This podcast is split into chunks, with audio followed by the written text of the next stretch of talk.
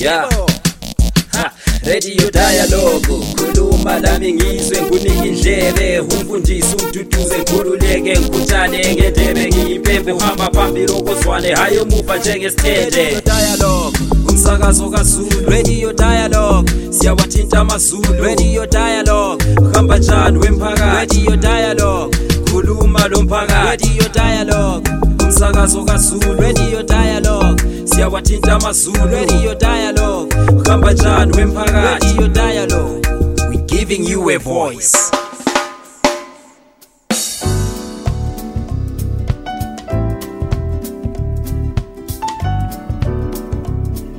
njengobakambi yobakambi yobakambi kuhlangana njalo ku-podcast yakho i-podcast ephakulelwa yithi kanye abangani bakho i-dialogue fm ulakho njalo kusilandela ebulenjini kutwitter ihandle yethu ngu-at dialogue fm ulakho njalo kusilandela-ke kufacebook. Sisebenzisa-ke ibizo elifana nayo ikhasi lethu libizwa-ke kuthiwa dialogue fm lakho njalo kusilandela ku-instagram. Lakhona-ke sitholakala ngegama elifana nayo dialogue fm kwasenani ingamotshi isikhathi njengoba la uzazela khona phana ukuthi podcast luhlelo makhaza so sithi gagazivele singene endabeni straight. Mina lambizo-ke ngigodobore mgonondo omkhulu ongabhekwa ngamehlo enyasarimbili lakhona phela edolobheni lakwabulawa emsokocwa amagagazi.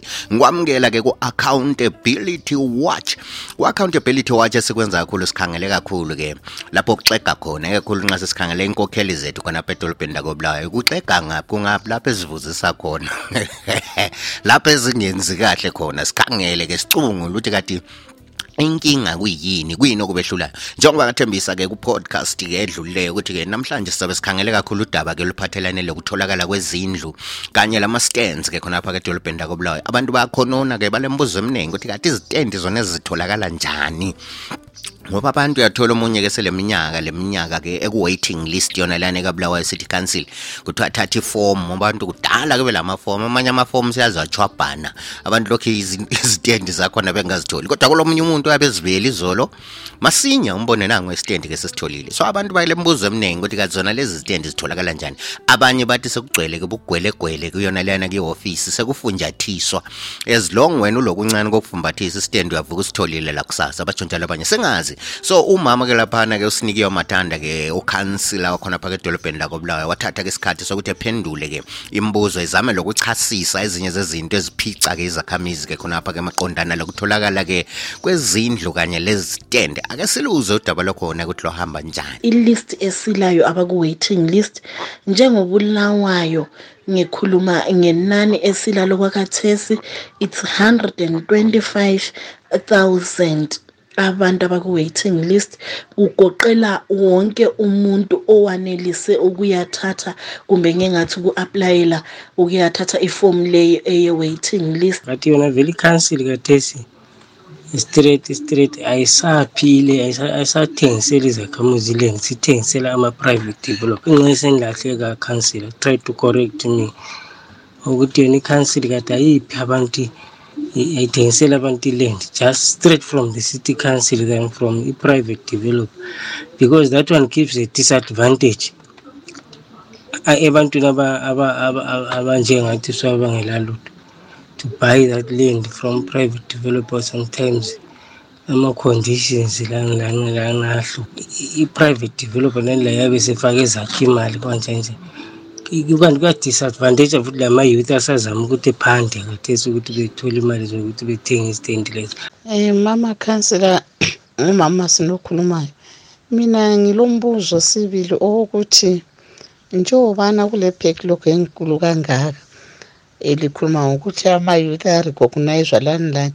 But ngoba nje abanye abantu ba-aplayela izindlu lezi besesengama-youth but at the moment sokule 35 years ago kwa-aplayo sure angazi plani bani? Ngoba ube yi-youth seze wadlula kuyi-youth waba wangena kubo 60 years. Lokhu emelele ku-waiting list. Sure plani bani. Libukhangela njani sure lokhu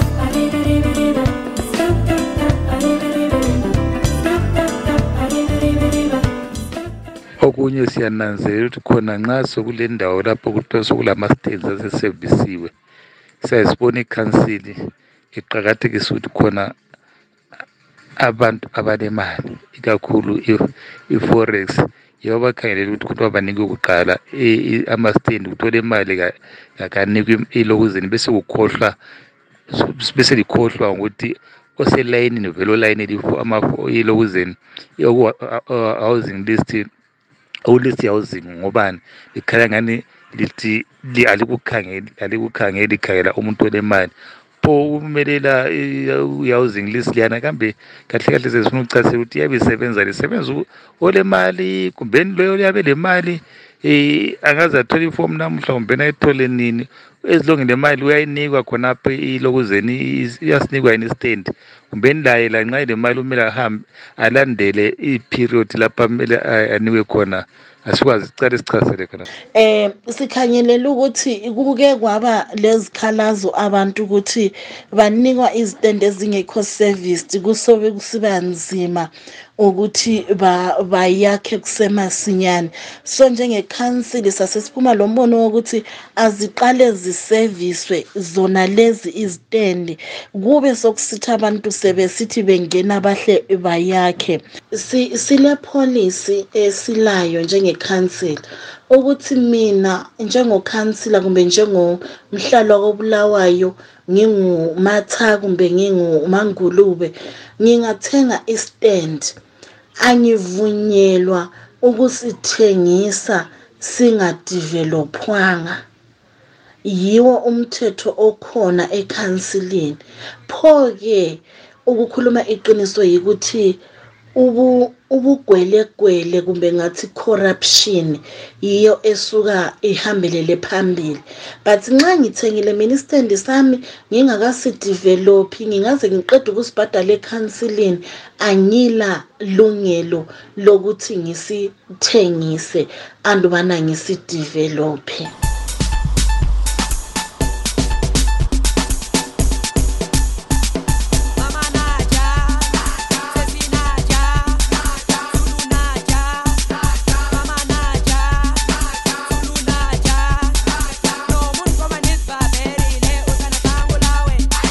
if ngisiya uh dingathatha iform i-waiting form um yami ngemuva kwe-waiting form ngiyabhalelwa i-ID number yami. Okungangokuthi angisanelisi ukuthi ngisebenzise ifomu yona leyi ekabili. Asithi sengi sengi-aplayele ngathola istand entumbane. Angisanelisi ukusebenzisa that same form futhi emalokitshini. Unless nxa sengisiyadinga kumbe kubo woodville kumbe kubo bani bani sengisiya-aplayela futhi elinye iform. Ngitsho futhi bengenela kuma-forms kuma-files ukuthi bebone ukuthi ngile ngile form eh eliyi-one elemalokitshini kithi nga kube sokusiba le situation eliyikhulumayo ukuthi abantu bayabuya from kwezinye indawo. Siba le problem umuntu engaba eh maybe lesakhiwo sakhe kumbe indlu yakhe ibe lama title deeds.